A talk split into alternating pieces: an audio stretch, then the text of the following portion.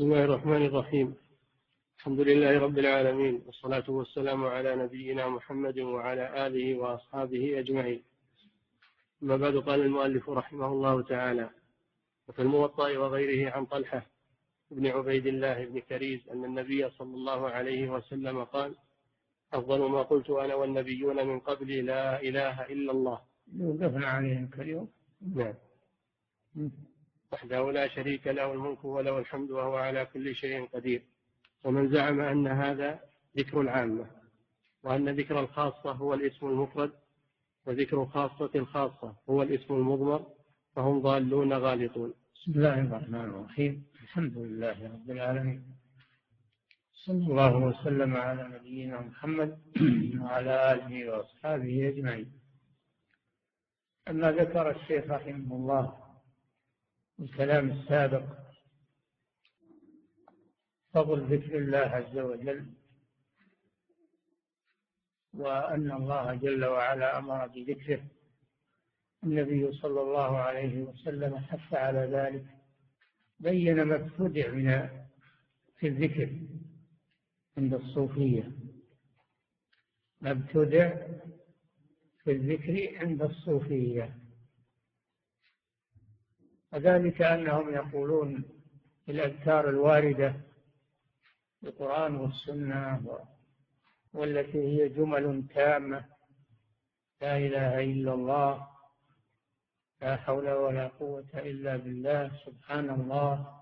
يقولون هذا ذكر العامة ذكر العامة عامة الناس يعني. أما الصوفية فلهم ذكر غير ذكر العامة أفضل منه بزعمهم.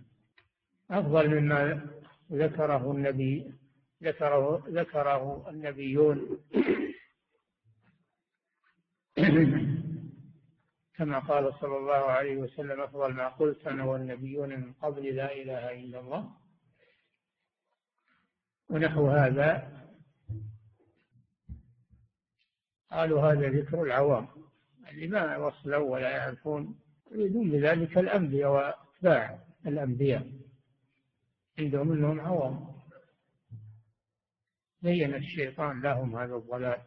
أما ذكر الخواص من العباد فهو إما اسم مفرد الله الله الله وإما ضمير. منفصل هو هو هو هو. من هذا الذكر. الذي هو أفضل من ذكر العوام. بعضهم يقول أخشى لو قلت لا إله إلا الله أو لا إله إلا هو. أن الموت يدركني قبل أكمل قبل أكمل. فيقتصر على كلمة واحدة وهي الله أو هو. خشية أن يأخذه الموت قبل الشيطان يوسوس لهم. هذه الوساوس والعياذ بالله. هذا لا شك أنه باطل وليس ذكرا. الاسم المفرد ليس ذكرا. لو قلت محمد علي فقط. ماذا استفدنا؟ بس. لازم تقول محمد رسول الله لازم تقول علي. قد قدم من, من الشام أو علي. جاء من كذا. تجيب جملة مفيدة. أما إذا قلت علي بس فقط أو الله الله. أو ما أشبه ذلك أو محمد فهذا ليس ذكرا وليس كلاما؟ هذا هذيان. هذا هذيان ليس فيه فائدة ولغة العرب إنما جاءت بالجمل المفيدة. جمل مفيدة جملة اسمية مثل الله لا إله إلا هو. هذه جملة اسمية مبدوءة باسم. أو جملة فعلية مثل تعالى الله سبحان الله. هذه جملة فعلية مبدوءة بفعل. فلا بد أن يكون الذكر جملة مفيدة مثل سائر كلام العرب. وأما الاسم المفرد أو الحرف المفرد فهذا لا يفيد شيئا. وليس ذكرا لله عز وجل؟ فهذا هو الرد عليهم. أولا أن هذا ما جاء في الكتاب والسنة. وثانيا أن هذا لا يفيد شيئا. وليس كلاما عربيا. لهم شبهات على ما يقولون. شبهات باطلة. يدلون بقوله ما أنزل الله على بشر من شيء؟ كما قالت اليهود لما أرادوا دخول رسالة محمد صلى الله عليه وسلم أنكروا حتى رسالة جميع الأنبياء. ما أنزل الله على بشر من شيء. فأنت يا محمد كذاب. رد الله عليهم. من أنزل الكتاب الذي جاء به؟ موسى. الكتاب الذي جاء به موسى هو كتاب اليهود. أنتم تقولون ما أنزل الله على بشر من شيء. تعترفون أن الكتاب الذي جاء به موسى أنزله الله. فالقرآن إذا أنزله الله على محمد صلى الله عليه وسلم. من أنزل الكتاب الذي جاء به موسى؟ هذا سؤال إلزام لهم. أجاب الله بقوله قل الله قل الله. أخذوا الله قالوا هذا ذكر مفرد هذا ذكر. يقول هذا ما هو بذكر ولا هي بجملة هذا جواب تابع لما قبله يقطعون الكلام بعضه عن بعض. قل الله تقدير الله أنزل. الله أنزل الكتاب الذي جاء به موسى. فالجواب أو الخبر مقدم. مؤخر مقدر. قل الله أي الله أنزل الكتاب الذي جاء به موسى. جملة مفيدة. لأنها جواب عن سؤال. ولا يكون جوابا إلا إذا كان كلاما تاما. والذي دل على الكلام المحذوف هو ما سبق. من أنزل الكتاب الذي جاء به موسى؟ الجواب الله هو الذي أنزل الكتاب الذي جاء به موسى. هم يغالطون يغالطون في هذا. ومثل قوله سبحانه سبح اسم ربك الأعلى. سبح اسم ربك الأعلى. قالوا اسم. الله قال سبح اسم. اسم ربك. الاسم المفرد ذكر تسبيح. يقول هذا لا. سبح اسم ربك الأعلى. أي سبحه بما ورد من الذكر. قل سبحان الله. سبحان الله. هذا هو الذكر الوارد في التسبيح. سبحان الله عما يشركون. سبحان الله عما يصفون. إلى آخره هذا معنى قول سبح اسم ربك الآن. هذا سيأتي تسمعونها الآن. نعم. واحتجاج بعضهم على ذلك بقوله قل الله ثم ذرهم في خوضهم يلعبون. من أبين غلط هؤلاء. نعم لأنه هو قل الله هذا جواب لكلام سابق وسؤال سابق ما يقطع عنه. قل الله إيش؟ الله أنزل الكتاب الذي جاء به موسى. من أنزل الكتاب؟ أجب يا محمد قل الله. أي أنزل الكتاب الذي جاء به موسى. الكلام فيه تقدير لا بد منه. يدل عليه ما سبق. وهذا جاري في كلام العرب الحذف والتقدير. ولهذا يقولون لولا الحذف والتقدير لعرفت النحو الحمير لغة العرب. لها أسرار ولها أساليب ولها نعم. فإن الاسم الله مذكور في الأمر بجواب الاستفهام في الآية قبله. الآية قبله إيه. كيف تقطعون كلام الله بعض عن بعض؟ نعم. وهو قوله قل من أنزل الكتاب الذي جاء به موسى نورا وهدى للناس تجعلونه قراطيس تبدونها وتخفون كثيرا. وعلمتم ما لم تعلموا.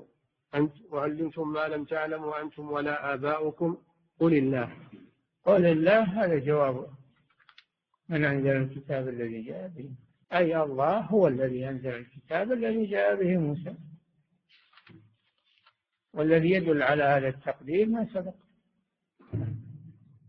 أي الله هو الذي أنزل الكتاب الذي جاء به موسى فالاسم الله مبتدأ خبره قد دل عليه الاستفهام. خبره محذوف مبتدأ خبره محذوف دل عليه الاستفهام السابق. وهذه لغة العرب اللغة الفصيحة حذف الخبر لأنه دل عليه ما سبق لأجل الاختصار وعدم التكرار. نعم. مبتدأ خبره قد دل عليه الاستفهام كما في نظائر ذلك. تقول من جاء؟ فيقول زيد. أنت مثلا في كلامك تقول من جاء؟ يقول اللي يجوزك زيد. زيد وش فيه؟ يعني جاء. تقديره جاء. وش اللي دل على جاء؟ دل عليه السؤال. من جاء؟ تقول زيد. ما قلت زيد. ابتداء إنما قلتها جوابا لسؤال والجواب يقدر من ضمن ما, ما من ضمن ما سبق في السؤال. من ضمن من أعطاك هذا الكتاب؟ تجيب تقول محمد. محمد. أي أعطاني هذا؟ محمد أعطاني هذا الكتاب. ويدل على هذا السياق السابق. لكن هم يغالطون أو لا يفهمون والعياذ بالله. نعم. وأما الاسم المفرد مظهرا أو مضمرا؟ الاسم المفرد ظاهرا مثل محمد علي أو مضمرا وهو الضمير المتصل والمنفصل مثل هو أو به أو إنه هذا متصل. نعم. وأما الاسم المفرد مظهرا أو مضمرا فليس بكلام تام. والضمير المنفصل تارة يكون ظاهرا الكلام تارة يكون مقدرا تارة يكون مقدرا. إذا دل عليه دليل. نعم. وأما الاسم المفرد مظهرا أو مضمرا فليس بكلام تام ولا جملة مفيدة ولا يتعلق به إيمان ولا كفر ولا أمر ولا نهي. لأنه ما يفيد شيء. اسم مفرد ظاهر أو ضمير لم لم يسبق له ما يدل عليه. فهذا لا يعتبر هذا يعني ما يعتبر كلاما ولا يفيد شيئا ولا يتعلق به إيمان ولا كفر ولا أمر ولا نهي ولم يذكر ذلك أحد من سلف الأمة. ولا شرع ذلك رسول الله صلى الله عليه وسلم. ولا يعطي القلب بنفسه معرفة مفيدة ولا حالا نافعة ولا حالا نافعة. نعم إذا قلت مثلا الله ابتداء ما يسبقه كلام ولا شيء الله. هذا ما يفيد شيئا. وليس ذكرا لله. ولا يحرك القلب. مثل ما لو قلت الله على كل شيء قدير الله خالق كل شيء الله لا إله إلا هو. يعني يحرك القلب يفيد السامع. نعم. وإنما يعطيه تصورا مطلقا لا يحكم عليه بنفي ولا إثبات. فإن لم يقترن به من معرفة القلب وحاله ما يفيد بنفسه وإلا لم يكن فيه فائدة. والشريعة إنما تشرع من الأذكار ما يفيد بنفسه لا ما تكون الفائدة حاصلة بغيره. الشريعة إنما شرعت من الأذكار ما يفيد بنفسه. جملة مفيدة تامة. يعني لم تشرع الشريعة أسمع حروفا فقط. نعم. وقد وقع بعض من واظب على هذا الذكر في فنون من الإلحاد وأنواع من الاتحاد. نعم. وصلوا إلى إلى أقصى الضلال ووحدة الوجود بسبب هذا. يقول هو ما هنا غيره. هو الكون كله هو. ما هنا غيره هو. وصل بهم الإلحاد إلى هذا الشيء. نعم. كما قد بسط في غير هذا الموضع. من كتبه رحمه الله. نعم. وما يذكر عن على الصوفية. نعم. وما يذكر عن بعض الشيوخ من أنه قال أخاف أن أموت بين النفي والإثبات. حال. الشيطان يعمل بهم يقول لا تقول لا إله إلا الله. تموت يمكن. تموت ما كملت قل الله. جيب الاسم الأخير فقط. علشان أنك ما تموت إلا وأنت أتيت به. وحتى لو جبت الاسم الأخير ما استفدت شيء. ولا مت على التوحيد. نعم. وما يذكر عن بعض الشيوخ من أنه قال أخاف أن أموت بين النفي والإثبات حال لا أخاف إذا قلت لا إله إلا الله أخاف أموت قبل أقول إلا الله. أو أموت على قوله لا إله فأكون جاحدا لله عز وجل. هكذا يقول له الشيطان. نعم. حال لا يقتدى فيها بصاحبها. نعم. فإن في ذلك من الغلط ما لا خفاء به. إلا؟ فإن في ذلك من الغلط ما لا خفاء به. كل يعرف هذا نعم. إذ لو مات العبد في هذه الحال لم يمت إلا على ما قصده ونواه.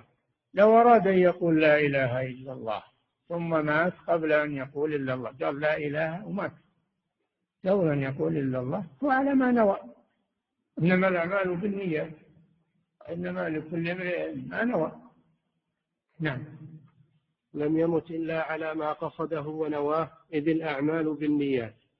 نعم كما قال النبي صلى الله عليه وسلم.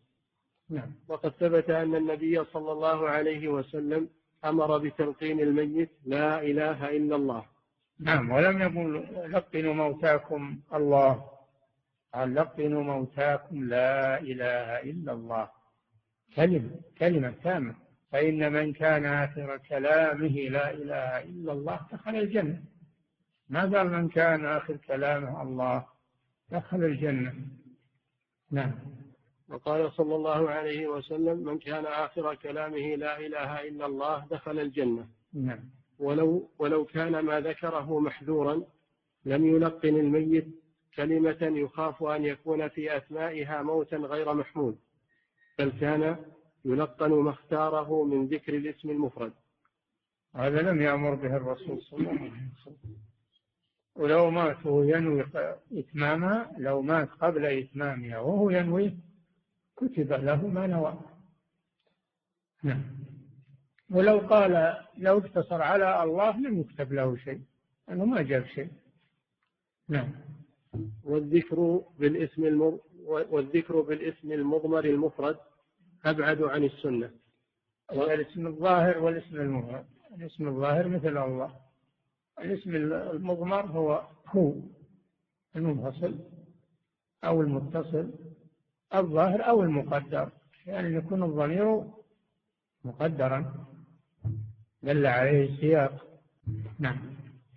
والذكر بالاسم المضمر المفرد أبعد عن السنة وأدخل في البدعة وأقرب إلى ضلال الشيطان. نعم. فإن من قال يا هو يا هو أو قال هو هو ونحو ذلك لم يكن الضمير عائدا إلا إلى ما يصوره قلبه. لو قال يا هو بدل ما يقول يا الله اغفر لي قال يا هو اغفر لي. يا هو من هو؟ ضمير وين يرجع؟ الضمير لازم له من مرجع. ولو قال يا هو اغفر لي من هو؟ هو. هو يصلح على كل أحد يصلح على كل أحد. لكن لو قال يا الله اغفر لي يا ربي اغفر لي. هذا استغفار توبة. لكن لو قال ياهو اغفر لي. لم يكن هذا كلاما عربيا أو كلاما حتى مجانين ما يكون هذا كلام هذا هذيان. نعم. فإن من قال يا هو يا هو أو هو هو ونحو ذلك لم يكن الضمير عائدا إلا إلى ما يصوره قلبه. والقلب قد يهتدي وقد يضل. لا ما له مرجع. الضمير في كلام العرب لازم له مرجع. يرجع إليه. وقوله ياهو هذا لا ليس له مرجع إلا ما في نفس القائل. وما في نفس القائل لا يبنى عليه حكم. نعم. وقد صنف صاحب الفصوص كتابا سماه كتاب الهو. صاحب الفصوص الحكم لابن عربي؟ رأس الملاحدة وحدة الوجود. صنف كتابا سماه الهو. سماه الهو يعني الذكر. نعم. وزعم بعضهم أن قوله وما يعلم وما يعلم تأويله إلا الله معناه وما يعلم تأويل هذا الاسم الذي هو الهو. شبه التحريف والعياذ بالله. والذي أنزل عليك الكتاب منه آيات محكمات إن أم الكتاب وأخر متشابهات. فأما الذين في قلوبهم زيغ فيتبعون ما تشابه منه ما شف ما ما تشابه منه ابتغاء الفتنة وابتغاء تأويله أي تأويل إيش؟ تأويل ما تشابه. تأويل أي تفسير أو مآل ما تشابه. ولا المتشابه لا يظهر معناه بنفسه إنما يظهر معناه بغيره بالمحكم. المتشابه يرد إلى المحكم فيفسره. ما يعلم تأويله أي المتشابه. إن أريد بالمتشابه ما غاب عن الناس من أمور الجنة والآخرة هذا لا يعلمه إلا الله. والمستقبل.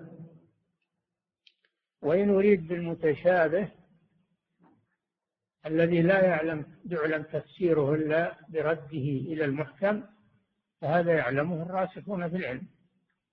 فعلى الأول يكون الوقت يتعين على قوله وما يعلم تأويله إلا الله. إذا كان المراد الغيب علم الغيب وما تؤول إليه الأمور وما في الجنة وما في النار. التأويل يراد به المآل. فهذا لا يعلمه إلا الله. يكون الوقف على الجلالة على لفظ الجلالة. وإن أريد بالمتشابه ما لا يظهر تفسيره في نفسه إلا برده إلى المحكم فهذا يعلمه الراسخون في العلم. فيعطف الراسخون في العلم على لفظ الجلالة. هذه قراءة. وما يعلم تأويله إلا الله والراسخون في العلم. يعني الراسخون في العلم يعلمون تأويل المتشابه. وعلى كل حال هم حرفوا هذا. قالوا لا ما يعلم تأويله إلا الله. أي هو ما يعلم تأويل هو تفسير هو إلا الله. نعم. وإن كان هذا مما اتفق المسلمون بل العقلاء على أنه من أبين الباطل. نعم أعد الكلام من أول وزعم بعضهم أن قوله وما يعلم تأويله إلا الله معناه وما يعلم تأويل هذا الاسم الذي هو الهو. الذي هو الهو. إلا الله. نعم.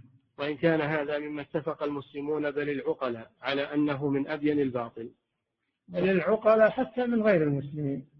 العقلاء يقولون هذا من من أبين الباطل. هو هذا ما له وجود في اللغة العربية. ولا في لغة العرب ولا في لغة العجم. ضمير منفصل لم يسبق بشيء ويكون هذا هو المتشابه هذا من عندكم ما, ما أنزله الله عز وجل. نعم. وإن كان هذا مما اتفق المسلمون بل العقلاء على أنه من أبين الباطل فقد يظن ذلك من يظنه من هؤلاء. نعم. حتى قلت مرة لبعض من قال شيئا من ذلك لو كان هذا ما قلته لكتبت الآية وما يعلم تأويله منفصلة. إي نعم. لو كان لما ناظرهم الشيخ ناظر واحدا منهم وأصر على هذا الكلام قال لو كان على ما قلته أن المراد تأويله أي أي هو تأويله أي هو لكتب منفصلا ولم يكتب متصلا باللام. تأويله هذا متصل. وأنت تقول وما يعلم تأويله أي الهو ولا يكتب هو متصلا أبدا في اللغة العربية إنما يكتب منفصلا هو. نعم. ثم كثيرا ما يذكر بعض الشيوخ أنه يحتج على قول القائل الله بقوله قل الله ثم ذرهم ويظن هذا سبق الكلام عنه أن قل الله أنه اسم مبتدأ وخبره محذوف. الله الذي أنزل هذا الجواب أنزل الكتاب الذي جاء به موسى. نعم. ويظن أن الله أمر نبيه بأن يقول الاسم المفرد وهذا غلط باتفاق أهل العلم. أن الله لم ينزل على رسوله اسما مفردا إنما أنزل عليه جملا مفيدة. نعم. وهذا غلط باتفاق أهل العلم فإن قوله قل الله معناه الله الذي أنزل الكتاب الذي جاء به موسى. هذا الجواب. نعم. وهو جواب لقوله قل من أنزل الكتاب الذي جاء به موسى نورا وهدى للناس تجعلونه قراطيس تبدونها وتخفون كثيرا وعلمتم ما لم تعلموا أنتم ولا آباؤكم قل الله. أي الله الذي أنزل الكتاب الذي جاء به موسى رد بذلك قول من قال ما أنزل الله على بشر من شيء. نعم. فقال من أنزل الكتاب الذي جاء به موسى؟ نعم. ثم قال قل الله. ثم ذرهم في خوضهم يلعبون. ذر اليهود في خوضهم وكذبهم يلعبون. وهكذا الصوفية. إذا أصروا على هذا الكلام السامج مالك فيهم حين ذرهم في خوضهم يلعبون. لعب هذا من اللعب. نعم. ومما يبين ما تقدم. ما ذكره سيباويه وغيره من أئمة النحو. أن العرب سيبويه هو إمام النحو هو إمام النحو. وله كتاب يرجع إليه علماء العربية اسمه الكتاب كذا الكتاب كتاب سيبويه دون في اللغة قواعد اللغة العربية. له شروح كثيرة. نعم. ومما يبين ما تقدم ما ذكره سيبويه وغيره من أئمة النحو أن العرب يحكون بالقول ما كان كلاما لا يحكون به ما كان قولا. فالقول لا لا يحكي به أو لا يحكى به إلا كلام تام أو جملة اسمية أو جملة فعلية. والجملة الاسمية هي المبدوءة باسم والجملة الفعلية هي المبدوءة بفعل مثل قام محمد دخل علي مبدوءة بفعل. نعم. ولهذا يكسرون إن إذا جاءت إذا جاءت بعد القول. إذا جاءت بعد القول. وقال إني عبد الله. قال إني عبد الله. كسر همزة إن. إذا جاءت جوابا للقول. نعم. فالقول لا يحكى به اسم. والله تعالى لم يأمر أحدا بذكر اسم مفرد ولا شرعه للمسلمين ولا شرع للمسلمين اسما مفردا مجردا. هذا الذي سبق. نعم تأكيد لما سبق أن الله لم يشرع أن يذكر باسم مفرد فيقال الله أو يقال هو. ما شرع الله هذا لا في الكتاب ولا في السنة وإنما هذا من وضع الصوفية أو غلاة الصوفية. نعم. والاسم المجرد لا يفيد شيئا من الإيمان باتفاق أهل الإسلام. فلو قلت محمد تعتبر هذه شهادة بالرسالة؟ ما تعتبر. لو أن المؤذن وقف وقال الله ومن قال محمد يصير هذا أذان؟ يصير أذان. يقول الله أكبر جملة مفيدة. محمد محمد رسول الله جملة مفيدة. نعم. ولا ما يصير أذان. نعم. والاسم المجرد لا يفيد شيئا من الإيمان باتفاق أهل الإسلام ولا يؤمر به في شيء من العبادات ولا في شيء من المخاطبات. نعم. ونظير من اقتصر على الاسم المفرد. ما يذكر أن بعض الأعراب مر بمؤذن يقول أشهد أن محمدا رسول الله في النصر. فقال ماذا يقول هذا؟ هذا الاسم فأين الخبر عنه الذي يتم به الكلام؟ نعم سمع مؤذن يلحن في الأذان. يقول أشهد أن محمدا رسول الله. أن محمدا هذا اسمها منصوب بها. رسول الله أن تنصب الاسم ترفع الخبر. ترفع الخبر. محمد أن محمدا هذا اسمها. رسول الله هذا خبرها. فإن تدخل على المبتدا والخبر فتنصب الأول وهو المبتدا وترفع الثاني وهو الخبر. مرفوع على أنه خبر إن لأجل يكون الكلام فيه فائدة. أما لو أنك نصبت الخبر ما صار في الكلام فائدة ما جت الفائدة لأن الخبر ما جاء. فلما قال هذا المؤذن اللحان أنا أشهد أن محمدا رسول الله استنكر الأعرابي الدوي لكن عنده اللغة العربية. قال ما شأنه؟ محمد رسول الله ما شأنه؟ ما جاء الخبر. ما جاء الخبر وحينئذ ما حصلت الفائدة ما حصل شوف أعرابي استنكر كلام هذا المؤذن لأنه عربي فصيح. فلا بد أن يكون خبر إن مرفوعا حتى تتم الفائدة. وإنما الذي ينصب هو اسمها واسمها لا يأتي بفائدة. لو قلت أشهد أن محمدا مسكت. إيش؟ ما. إذا قلت محمدا رسول الله تم الكلام. كذلك لو قلت أشهد أن محمدا رسول الله صار تابع للأول ما فات شيء. ما جبت الخبر. نعم. والشرع إنما جاء بجمل مفيدة في الأذكار. جمل مفيدة. نعم. وما في القرآن من قوله واذكر اسم ربك وتبتل إليه تبتيلا. هذه شبهة ثانية لهم. اذكر اسم ربك. قالوا المراد الاسم المفرد. قل الله الله الله أو هو هو. هذا المراد باسم ربك. نعم. وقوله سبح اسم ربك الأعلى وقوله قد أفلح من تزكى وذكر اسم ربه فصلى وقوله فسبح باسم ربك العظيم ونحو ذلك. لا يقتضي ذكر الاسم المفرد. يعني ليس فيه دلالة لهم.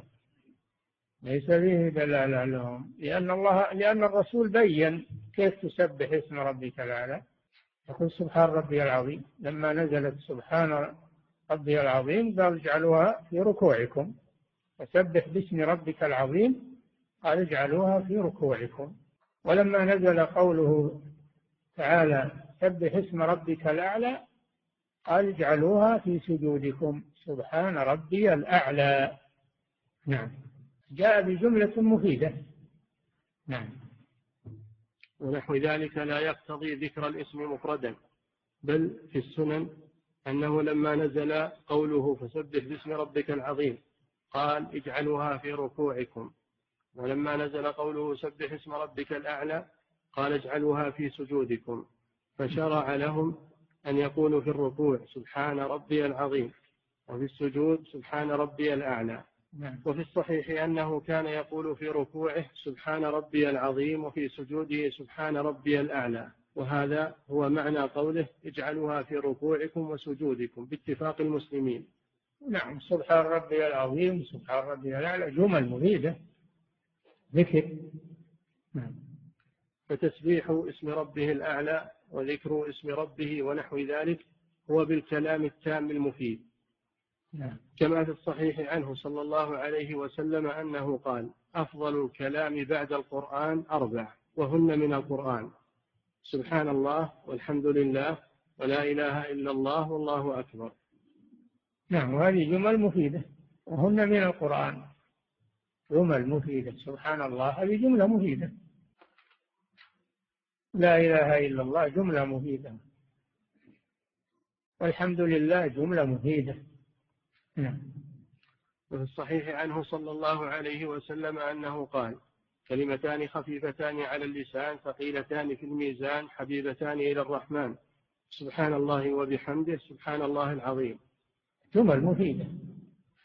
جمل مفيدة. وسماها كلمة. سبحان الله وبحمده سماها كلمة. سبحان الله العظيم سماها كلمة. يعني جملة مفيدة. والكلمة قد تكون لفظا مفردا وقد تكون جملة. تكون جملة. ولهذا يقول يقول ابن مالك في الألفية يقول كلامنا لفظ مفيد. تستقم واسم وفعل ثم حرف الكلم. واحدة كلمة والقول عام وكلمة بها كلام قد يؤم أي يقصد. يقال كلمة هو المراد بها جملة. ما هي بلفظة واحدة جملة. قال تعالى حتى إذا جاء أحدهم الموت قال رب ارجعون لعلي أعمل صالحا فيما ترك كلا إنها كلمة هو قائلها. هل ما سبق كلمة مفردة ولا كلام؟ هذا معنى قول الناظم كلمة بها كلام قد يؤم يعني يقصد. نعم.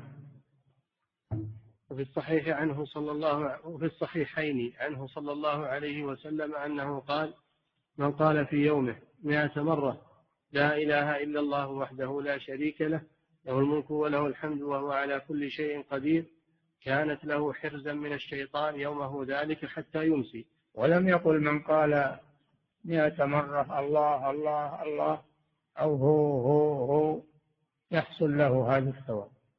بل جاء بجملة مفيدة تامة. نعم. ولم يأتي أحد بأفضل مما جاء به إلا رجل قال مثل ما قال أو زاد عليه.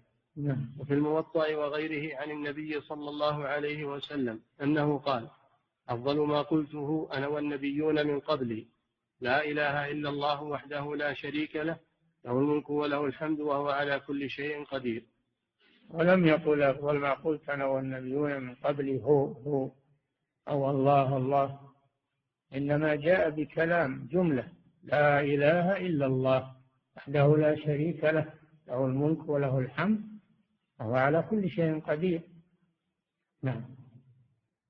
وفي سنن ابن ماجه وغيره عنه صلى الله عليه وسلم أنه قال أفضل الذكر لا إله إلا الله وأفضل الدعاء الحمد لله.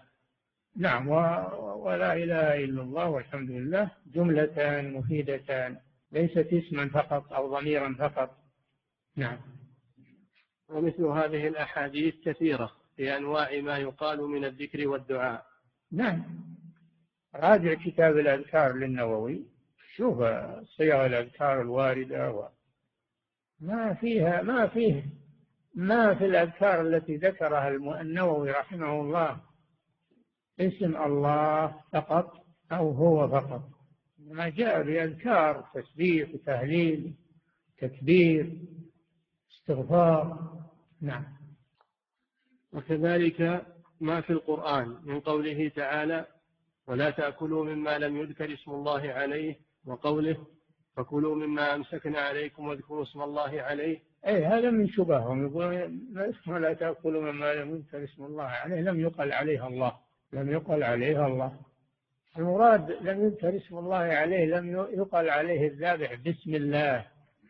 لم يقل بسم الله. هذا المقصود. لكن هم يحرفون الكلم عن مواضعه. ما قوله تعالى لم يذكر اسم الله عليها يعني لم يقل عليه الله أو هو فقط.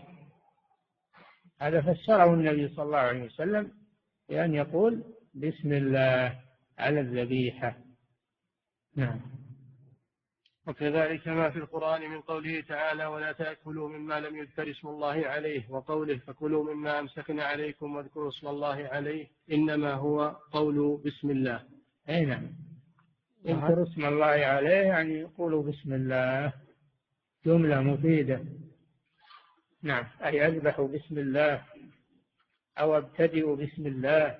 لا متعلقة بمحذوف مقدر. نعم. جار ومجرور متعلق بمحذوف مقدر. أبتدي أو أذبح بسم الله أو أنحر بسم الله. نعم. وهذا جملة تامة. إما إسمية على أظهر قولي النحاة أو فعلية والتقدير ذبحي بسم الله أو أذبح بسم الله. ذبحي بسم الله هذه جملة اسمية. أو أذبح بسم الله هذه جملة فعلية. فعلى كل حال هو جملة. لا, لا بد يكون جملة إما اسمية وإما فعلية. ولا يكفي أنك تقول الله على الذبيحة. ما يكفي هذا. نعم. وكذلك قول القارئ بسم الله الرحمن الرحيم فتقديره قراءتي بسم الله أو أقرأ بسم الله. لأن الجار والمجرور لا بد له من متعلق. فباسمي هذا جار ومجرور. تأتي إلى متعلق المقدر. أي اقرأوا بسم الله أو ابتدئوا بسم الله. نعم. ومن الناس من يضمر في مثل هذا ابتدائي بسم الله أو أو ابتدأت بسم الله والأول أحسن. لأن الفعل كله مفعول بسم الله ليس مجرد ابتدائه.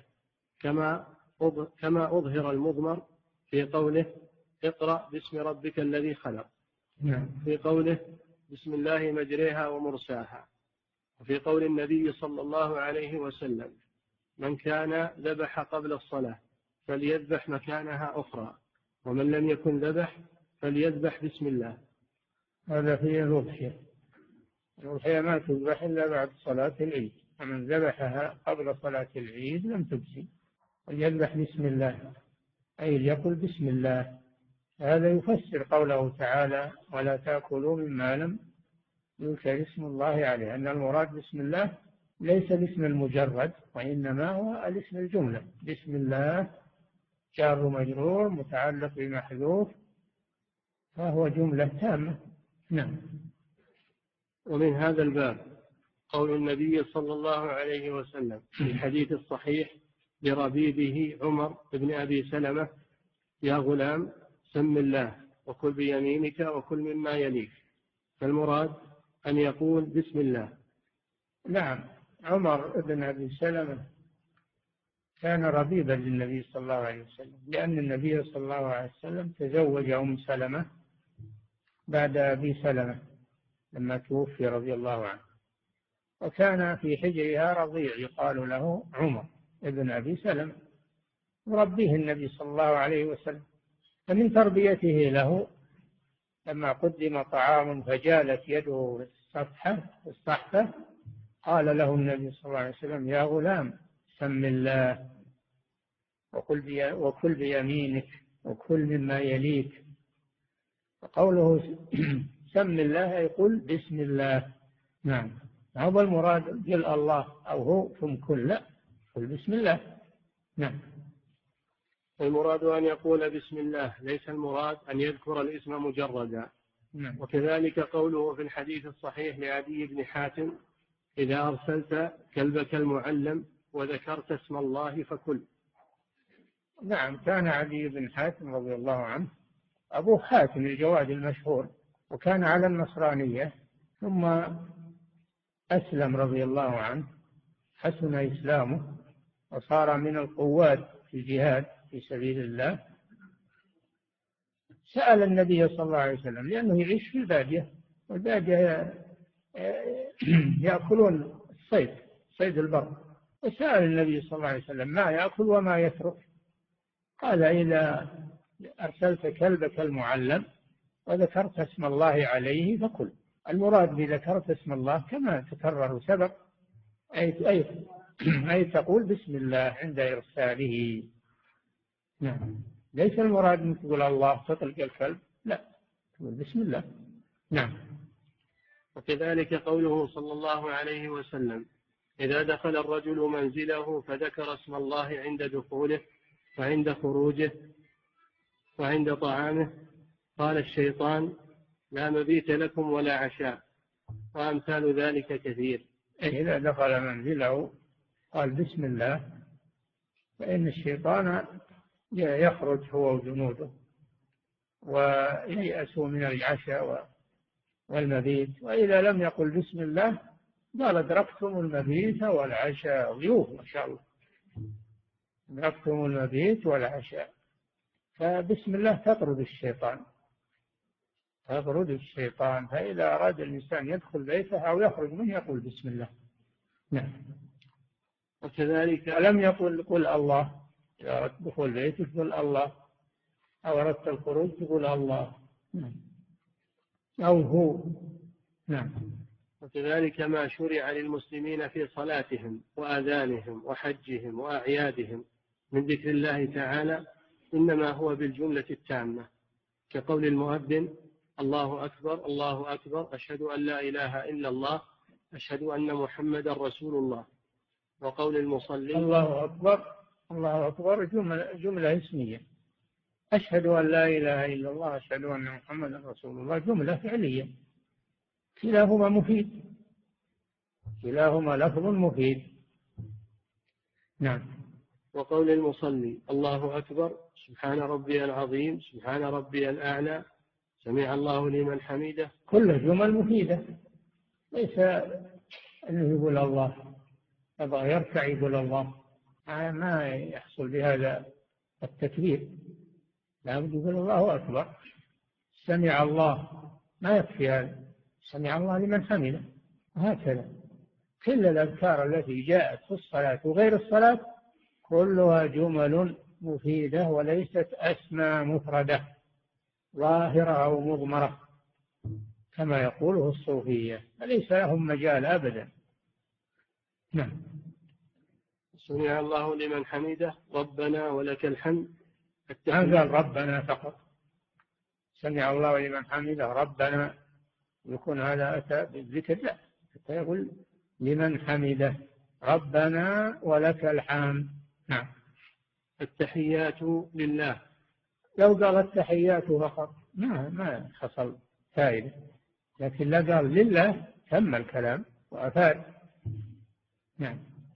وقول الملبي لبيك اللهم لبيك وأمثال ذلك. لبيك اللهم لبيك. الملبي ما يقول الله. ما يقول لبيك الله. لبيك اللهم لبيك. جملة مفيدة تامة. نعم. فجميع ما شرعه الله من الذكر. هذه عادة الشيخ رحمه الله أنه إذا دخل في موضوع أشبعه أشبعه بالأمثلة والأدلة. نعم. فجميع ما شرعه الله من الذكر إنما هو كلام تام. كلام تام لا ناقص أو أسماء فقط. نعم. إنما هو كلام تام لا اسم مفرد لا مظهر ولا مضمر. نعم. وهذا هو الذي يسمى في اللغة كلمة. كقوله كلمة يعني جملة جملة مفيدة تسمى كلمة. والكلمة يطلق ويراد بها اللفظ المفرد مثل الله محمد آه، علي أو حرف تقول في أو على. هذا لفظ مفرد يسمى كلمة ولكن قد يراد بالكلمة أيضا الجملة المفيدة. وهذا له شواهد من القرآن وغيره. نعم.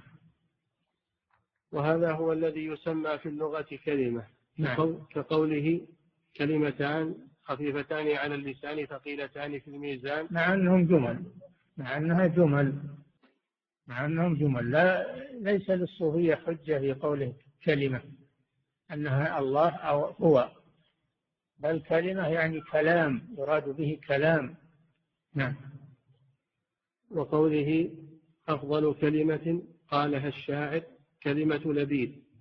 ألا كل شيء ما خلا الله باطل. لبيد بن ربيعة رضي الله عنه كان شاعرا بالجاهلية في الجاهلية ولما أسلم ترك الشعر عاش قبل الإسلام ثمانين سنة وعاش بعد الإسلام ثمانين سنة رضي الله عنه.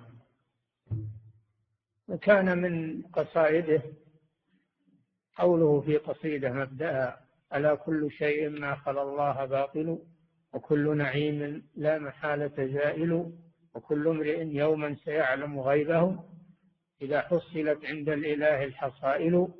فقولا له إن كان يملك أمره ألما يعظك الدهر أمك هابل إلى آخرها. لكن الشاهد هي أول مطلعها.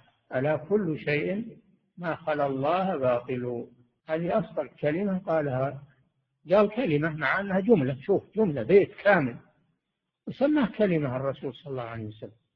نعم. ومنه قوله تعالى كبرت كلمة تخرج من أفواههم. الآية. كبرت كلمة تخرج من أفواههم. ما هي؟ قولهم اتخذ الله ولدا. اتخذ الله ولدا. هذه كلمة ولا كلام؟ كلام هذا. نعم. وقوله وتمت كلمة ربك صدقا وعدلا. تمت كلمة ربك. المراد كلمة واحدة؟ لا المراد كلام الله جل وعلا. كلام الله كله صدق وكله عدل. صدق في أخباره وعدل في أحكامه. المراد بكلمة ربك كلامه سبحانه وتعالى. نعم. وأمثال ذلك مما استعمل فيه لفظ الكلمة من الكتاب والسنة بل وسائر كلام العرب فإنما يراد به الجملة التامة. وليس المراد به ما تقوله الصوفية. الكلمة يعني اللفظ الواحد الاسم المفرد. نعم. كما كانوا يستعملون الحرف في الاسم فيقولون هذا حرف غريب أي لفظ الاسم غريب. نعم. وقسم سيبويه الكلام إلى اسم وفعل وحرف. وحرف سيبويه هو كما سبق. هو إمام النحويين وله متن اللغة اللي هو الكتاب كتاب سيبويه قسم الكلام العربي إلى ثلاث أقسام اسم وفعل وحرف. كلامنا لفظ مفيد كاستقم واسم وفعل ثم حرف الكلم. فالكلام ينقسم إلى ثلاثة أقسام إما حرف وإما اسم وإما فعل. نعم. وقسم سيبويه الكلام إلى اسم وفعل وحرف جاء لمعنى ليس باسم ولا فعل. الحرف لا يستقل بمعنى إلا أنه إذا ارتبط بغيرها فاد أما إذا بقي وحده فإنه لا يفيد. مثل باء في عن ما تفيد شيء. لكن إذا ربطتها عن فلان في الدار فلان في الدار فلان في أفادت حينئذ. نعم. وسمى حروف الهجاء باسم الحروف وهي أسماء.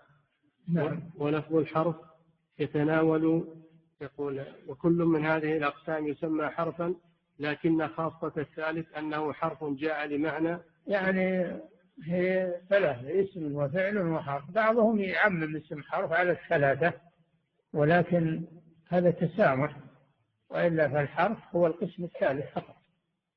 نعم. لكن خاصة الثالث أنه حرف جاء لمعنى ليس باسم ولا فعل وسمى حروف الهجاء باسم الحرف وهي أسماء. حروف الهجاء اللي أولها الألف وآخرها الياء.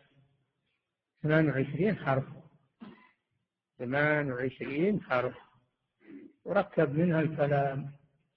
لا يخرج عنه. نعم. ولفظ الحرف. يتناول هذه الأسماء وغيرها. كما قال النبي صلى الله عليه وسلم من قرأ القرآن فأعربه فله بكل حرف عشر حسنات. أما إني لا أقول ألف لام ميم حرف ولكن ألف حرف ولام حرف وميم حرف.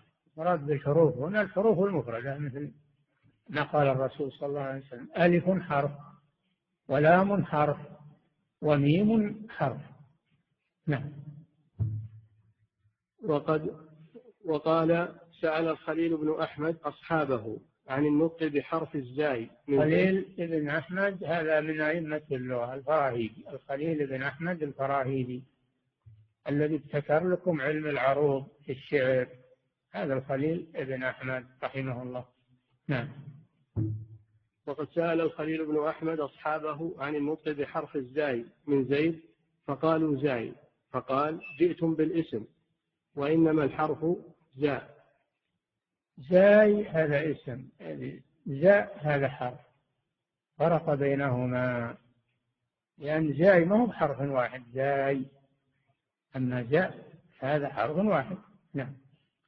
ثم إن النحاة اصطلحوا على أن هذا المسمى في اللغة بالحرف يسمى كلمة وأن لفظ الحرف يخص لما جاء لمعنى ليس باسم ولا فعل كحروف الجر ونحوها. نعم. وأما ألفاظ حروف الهجاء فيعبر تارة بالحرف. هذا استطراد من الشيخ. استطراد كله يريد الرد على هؤلاء الضلال. اللي يريدون أن الذكر يكون باسم المفرد فقط أو بضمير أغمض من الاسم المفرد. نعم. وأما ألفاظ حروف الهجاء فيعبر تارة بالحرف عن نفس الحرف من اللفظ وتارة باسم ذلك الحرف. ولما غلب هذا الاصطلاح صار يتوهم من اعتاده أنه هكذا في لغة العرب. نعم. ومنهم من يجعل لفظ الكلمة في اللغة لفظا مشتركا بين الاسم مثلا وبين الجملة. ولا يعرف في صريح اللغة من لفظ الكلمة إلا الجملة التامة. هذا استطراد كله استطراد. وأنتم تعرفون الشيخ رحمه الله إذا دخل في موضوع ما يخرج منه إلا بعد أن يشبعه بالأمثلة والتقريرات والنقل. نعم. ويأصل يأصل المسألة يأصلها تأصيلا من أولها. نعم. والمقصود هنا أن المشروع في ذكر الله سبحانه هذا هو النتيجة من كل ما سبق. نعم والمقصود هنا أن المشروع في ذكر الله سبحانه هو ذكره بجملة تامة. بجملة تامة لا باسم فقط مفرد أو بضمير منفصل أو بحرف منقطع. نعم. وهو المسمى بالكلام والواحد منه بالكلمة وهو الذي ينفع القلوب ويحصل به الثواب والأجر والقرب إلى الله ومعرفته ومحبته وخشيته وغير ذلك من المطالب العالية والمقاصد السامية. هو الكلام كلام مفيد جمل لا اسم فقط أو ضمائر فقط لا تفيد شيئا. نعم. ليس هذا ذكرا لله عز وجل. نعم. وأما الاقتصار على الاسم المفرد مظهرا أو مضمرا فلا أصل له فضلا عن أن يكون من ذكر الخاصة والعارفين. نعم. بل هو وسيلة إلى أنواع من البدع والضلالات وذريعة إلى تصورات وأحوال فاسدة من أحوال أهل الإلحاد وأهل الاتحاد. وهكذا البدع تجر إلى الشر دائما وابدا البدع تجر إلى الشر وإلى الإلحاد والكفر والضلال. وأما السنن فهي تفيد القلوب وتفيد السامعين وتفيد المتكلم. نعم. كما قد بسط الكلام عليه في غير هذا الموضع. عنده بسط أكثر من هذا. نعم. وجماع الدين أصلان. يقول فضيلة الشيخ وفقكم الله ما أفضل كتاب تحدث عن الصوفية وعن أخطائهم؟ هي كتب قديمة وكتب عصرية. كتاب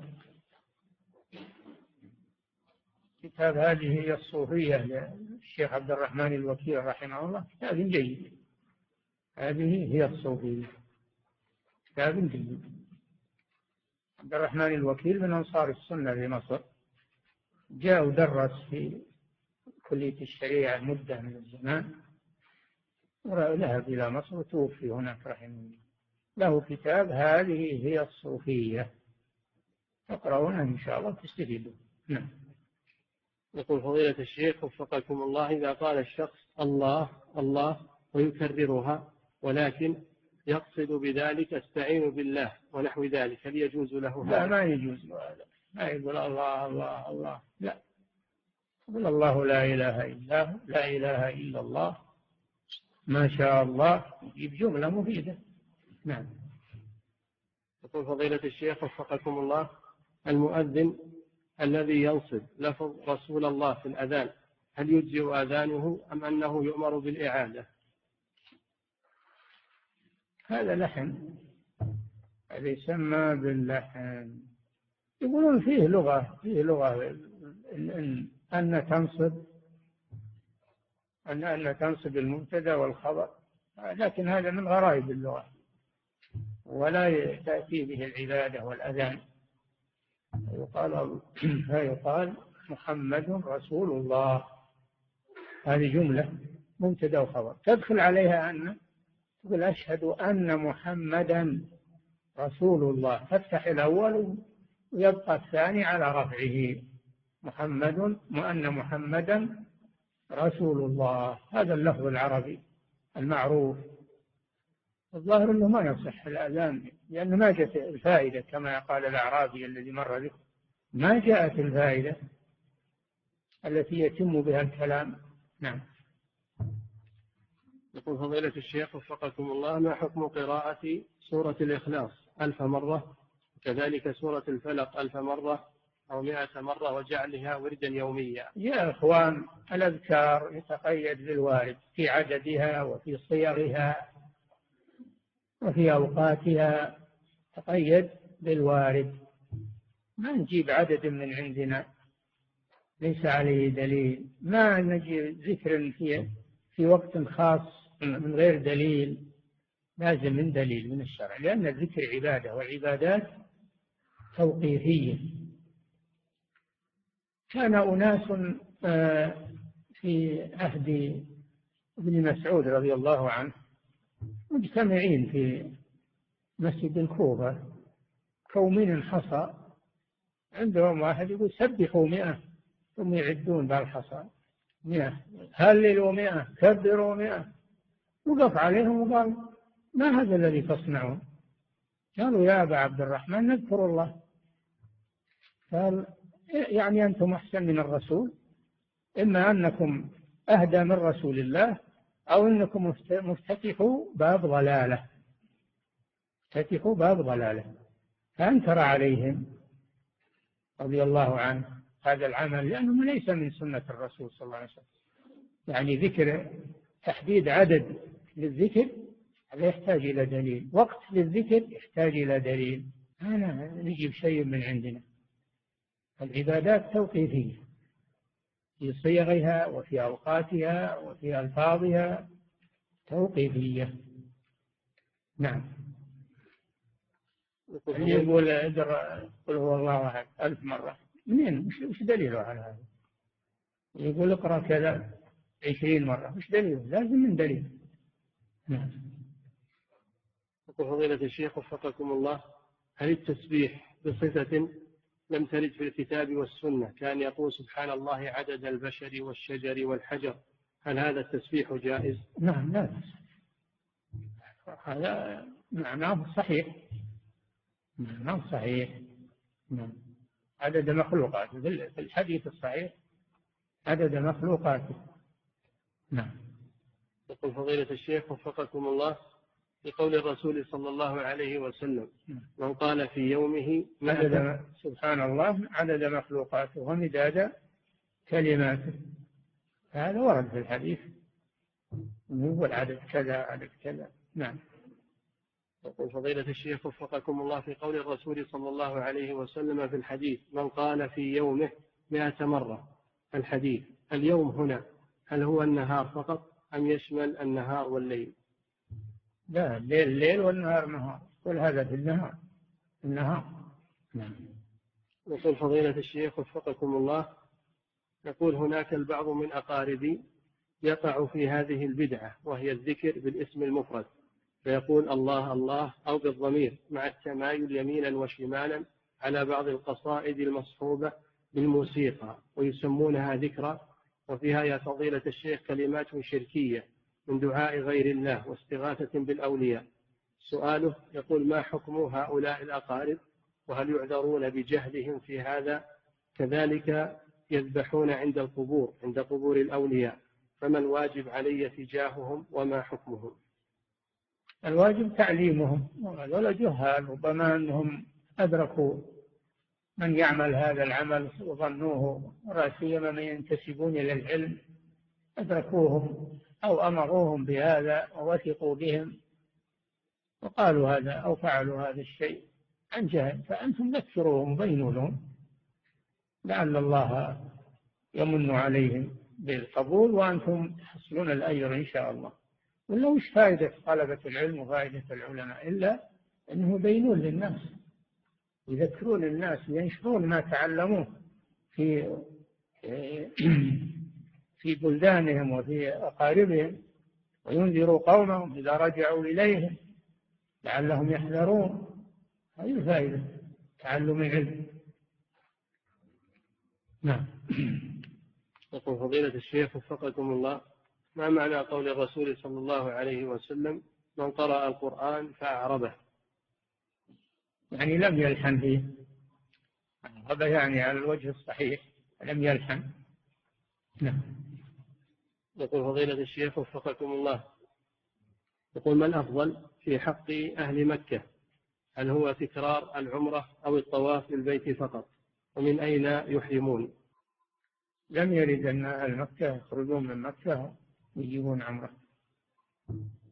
كونهم يبقون في المسجد الحرام يعتكفون في المسجد الحرام للطواف والصلاة وأفضل من كونهم يخرجون يجيبون عمرة إنما هذا شيء حصل لعائشة رضي الله عنها لما ألحت على الرسول صلى الله عليه وسلم إلا أن تأتي بعمرة أعمرها من التنعيم أما من كان ما كان الصحابة يعملون هذا ما كانوا يعملون هذا يخرجون من مكة ويجيبون عمرة. البقاء في مكة أفضل. ما نقول أنه ما يجوز لكن نقول البقاء في مكة أفضل في المسجد الحرام. نعم. يقول فضيلة الشيخ وفقكم الله ما المشروع في مسألة جلوس الناس لأجل العزاء وكثرة المآكل والمشارب في مسألة العزاء؟ هذا مبالغات وأيضا آثار وأغلال وإتعاب للمصابين وإثقال عليهم. ينبغي ترك هذه الأمور. يجب ترك هذه الأمور لأن هذا هذا يتطور إلى التأبين والنياحة وما أشبه ذلك. نعم. يقول فضيلة الشيخ وفقكم الله أهديت إلى زميل لي نوعا من الأعشاب تستخدم للعلاج وهو نوع نادر فلم يستفد منه. وقد احتجته الآن فهل من بأس إذا أخذته منه؟ لا. العائد في هبته كالكلب يقيل ثم يعود بالقيل لكن إن أعطاك إياه بدون أنك تسأله إياه خالف نعم. يقول فضيلة الشيخ وفقكم الله هل إلصاق الكعبين في تسوية الصفوف واجب في الصلاة تطبيقا للسنة؟ حيث نجد بعض الناس يهربون ولا يريدون أن يلصقوا كعبيهم بكعبي الآخر. التراص في الصف هذا هو المطلوب. يقرب بعضكم من بعض ولا يكون بينكم فرج. هذا الذي أمر به النبي صلى الله عليه وسلم. وأما الفحج الواحد يفحج ويأخذ محل اثنين ثلاثة ويبغى يدلي عنه منا ومنا هذا أذى ولا أصل له. وهذا يفتح فرج في الصف هذا يفتح فرجا في الصف نعم. يقول فضيلة الشيخ وفقكم الله يقول السائل أعيش في فرنسا وقريبا سيصدر قرار بمنع لبس النقاب في الأماكن العامة. سؤاله يقول ليس لي مال ولا أستطيع أن أهاجر به وكذلك أنا مريض فبماذا ينصحني فضيلتكم؟ اتقوا الله ما استطعتم. الله جل وعلا قال فاتقوا الله ما استطعتم. كل ما تستطيعه من تقوى الله افعله. نعم. يقول فضيلة الشيخ وفقكم الله ما حكم إعطاء امرأة قريبة لي؟ قد ولدت إعطاءها بعض المال حيث إن ذلك عادة عندنا. ما حكم إعطاء امرأة قريبة لي قد ولدت بعض المال حيث إن ذلك عادة عندنا. لا بأس بذلك أقول لا بأس بذلك هذا من الصلة ومن الهدايا التي حث عليها النبي صلى الله عليه وسلم فهذا تحابوا نعم. يقول فضيلة الشيخ وفقكم الله رأيت في إحدى المساجد في أحد المساجد لوحة معلقة في المسجد وقد كتب عليها حديث النبي عليه الصلاة والسلام اثنتي عشرة ركعة من صلى اثنتي عشرة ركعة بنى الله له بيتا في الجنة ثم رسم صورة للبيت. فهل هذا عمل مشروع؟ لا. تعليق في المساجد لا الكتابة على الجدران ولا تعليق اللوحات ولا إلصاق الورق المكتوب. كل هذا من التزيد ومن شغل المساجد بشيء ليس مشروعا. نعم. إذا بغيت تعلم الناس علمهم بالكلام وقف قدامهم إن كان عندك علم وقف قدامهم وذكرهم وبين لهم. نعم. يقول فضيلة الشيخ وفقكم الله هل يجوز بيع الكلاب وخاصة المعلمة؟ نهى النبي صلى الله عليه وسلم عن ثمن الكلب نهى عن ثمن الكلب ومهر البغي وخلوان الكاهن ولا يجوز بيع الكلاب. نعم. يقول فضيلة الشيخ وفقكم الله ما حكم رفع الأصبع عند لفظ الجلالة في الأذان وأثناء الصلاة؟ تشهد يرفع السبابة في التشهد يرفع السبابة إشارة إلى التوحيد أما في غيره لا ما يرفع الأصبع لا في الأذان ولا في غيره نعم. يقول فضيلة الشيخ وفقكم الله ما الأفضل في التسبيح باليد هل يكون باليمين فقط؟ وهل يكون العد بالعقد أم بالأصابع؟ سبح بأصابع يديك أو بأصبع يد واحدة لا بأس في ذلك الأمر في هذا واسع. تعد بالأصابع أصابع يديك كلهن أو بأصابع اليمنى كله جائز إن شاء الله. نعم. يقول فضيلة الشيخ وفقكم الله يقول أنا إمام مسجد وأحب حضور درسكم هذا وإذا صليت بمسجدي المغرب والعشاء لم أتمكن إلا من حضور نصف ساعة فقط من الدرس. سؤاله هل علي شيء؟ لو وكلت أحدا من الإخوة ليصلي بالمسجد؟ إذا وكلت واحد ثقه وتبرأ به الذمة فلا بأس بذلك لأن هذا لغرض صحيح وهو حضور الدرس. نعم.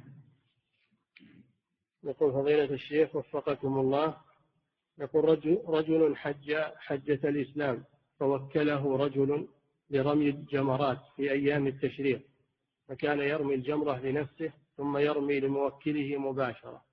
فهل رميه صحيح أم يرمي جميع الجمرات لنفسه ثم يرجع ويرمي لموكله؟ هكذا قال الفقهاء أو بعض الفقهاء لكن هذا فيه صعوبة ولا دليل عليه. لا دليل عليه. فإذا رمى الجمرة الصغرى عن نفسه يرميها عن موكله وإذا رمى الوسطى كذلك عن نفسه ثم عن موكله والكبرى كذلك. هذا أيسر للناس لا سيما وقت الزحام والخطر نعم. يقول فضيلة الشيخ وفقكم الله هل الدم الذي يخرج من الأنف بالرعاف ينقض الوضوء؟ إذا كثر إذا كثر ينقض الوضوء أما إذا كان يسيرا فلا يضر. نعم. يقول فضيلة الشيخ وفقكم الله هناك شخص أراد أن يذكي ذبيحة فقال بدلا من البسملة قال أشهد أن لا إله إلا الله. فما حكم هذه الذبيحة؟ إذا كان جاهلا قصده ذكر اسم الله وأخطأ لفظه جاهل لعله إن شاء الله لا بأس. أما إذا تعمد هذا الشيء فلا يجوز. لا يجوز. يقول فضيلة الشيخ وفقكم الله رجل قال لصاحبه لئن كسرت هذه الخشبة لأعطينك كذا من المال. ثم كسر الخشبة فأعطاه المبلغ. فهل هذا الفعل صحيح؟ إن كان هذا من باب المراهنة فلا يجوز. هذا من أكل المال بالباطل أما إن كان هذا من باب الأجرة استاجره يكسر له الخشبة باب الأجرة لا بأس. نعم. يقول فضيلة الشيخ وفقكم الله ما حكم قول القائل يا وجه الله؟ لا لا يجوز هذا. ما تدعى الصفة إنما الذي يدعى الله سبحانه وتعالى. نعم. يقول فضيلة الشيخ وفقكم الله يحتج بعض الصوفية بقول الصحابي الجليل بلال بن رباح رضي الله عنه أثناء تعذيبه قوله أحد أحد. وقالوا لم ينكر عليه أحد فهل هذا حجة له؟ هذا ما هو ما قال من باب الذكر إنما قاله من باب الصبر. قاله من باب الصبر على التعذيب. نعم. يقول فضيلة الشيخ وفقكم الله من قال يا رب يا رب هل هذه جملة يا رب يا رب إيش؟ يا رب اغفر لي يا رب. بس يا رب يا رب هذا ما ما يفيد شيئا. نعم. يقول فضيلة الشيخ وفقكم الله ما الذي في الحديث يمد يديه إلى السماء يا رب يا رب؟ هذا ما هو معناه من هذا دعاء معناه إخبار عن هذا الشخص أنه يدعو ربه ولكن هو يتغذى بالحرام ويشرب الحرام ويلبس ولا يستجاب له دعاء. نعم. يقول فضيلة الشيخ وفقكم الله ما صحة هذه المقولة؟ ما في الوجود حقيقة إلا هو. فهي من وحدة الوجود؟ هذا هل هي وحدة الوجود؟ ما في الوجود إلا هو؟ هذه وحدة الوجود بعينها الوجود فيها الله وفيه غير الله سبحانه وتعالى. نعم. يقول فضيلة الشيخ وفقكم الله تكثر جدا في رسائل الجوال هذه الأيام هذه الكلمة انشر هذه الرسالة ويذكر شيئا. يا إخواني احذروا الجوالات. كل ما يقال فيها اتركوه وحذروا منها لأنها أصبحت دعاية للبدع والجهل. فلا تقبلوا ما يقال فيها. نعم. يقول فضيلة الشيخ وفقكم الله يقول أنا طبيب وأعمل عمليات لبعض المرضى. ها؟ أنا طبيب وأعمل عمليات لبعض المرضى فيأتي بعضهم لي بهدية. ويحلف أن آخذها. فهل هذا من هدايا العمال؟ إذا كنت موظفا في مستشفى ولك راتب فهذه من هدايا العمال. ما في شك رشوة أما إذا كنت تعالج على حسابك فأتح المحل وتأخذ من الناس آه، أجورات على العلاج هذه تدخل في الأجر. نعم. يقول فضيلة الشيخ وفقكم الله يقول أنا مستقر في الرياض ولدي بيت آخر في بلد يبعد عن الرياض 300 كيلو. يقول أنا مستقر في الرياض ولدي بيت آخر في بلد يبعد عن الرياض 300 كيلو تقريبا. وأذهب إليه كل أسبوع أو أسبوعين. سؤاله هل في هذه الحالة لي أن أقصر وأن أجمع الصلاة إذا سافرت إلى هذا البيت؟ نعم. إذا كان تذهب إلى البيت إلى البر ما هو للاستقرار وإنما تذهب لحاجة أو نزهة فإنك تقصر. من حين تقضي إلى أن ترجع. إلا إن أقمت بالبر مدة تزيد على أربعة أيام فإنك تتم الصلاة. أو كان عندك ناس مقيمين يصلون جماعة صل معهم. نعم. أما في الطريق ذاهبا وآيبا تقصر الصلاة. تجمع. نعم. يقول فضيلة الشيخ وفقكم الله ذهبت إلى لندن وسكنت في مكان ليس حوله مسجد فسألت مسلما هناك عن القبلة فدلني على جهة معينة فصليت إليها. ثم بعد يومين سألت عن القبلة فدلني على, فدلني على جهة أخرى فصليت إليها. ولم أكن متأكدا من القبلة خلال إقامة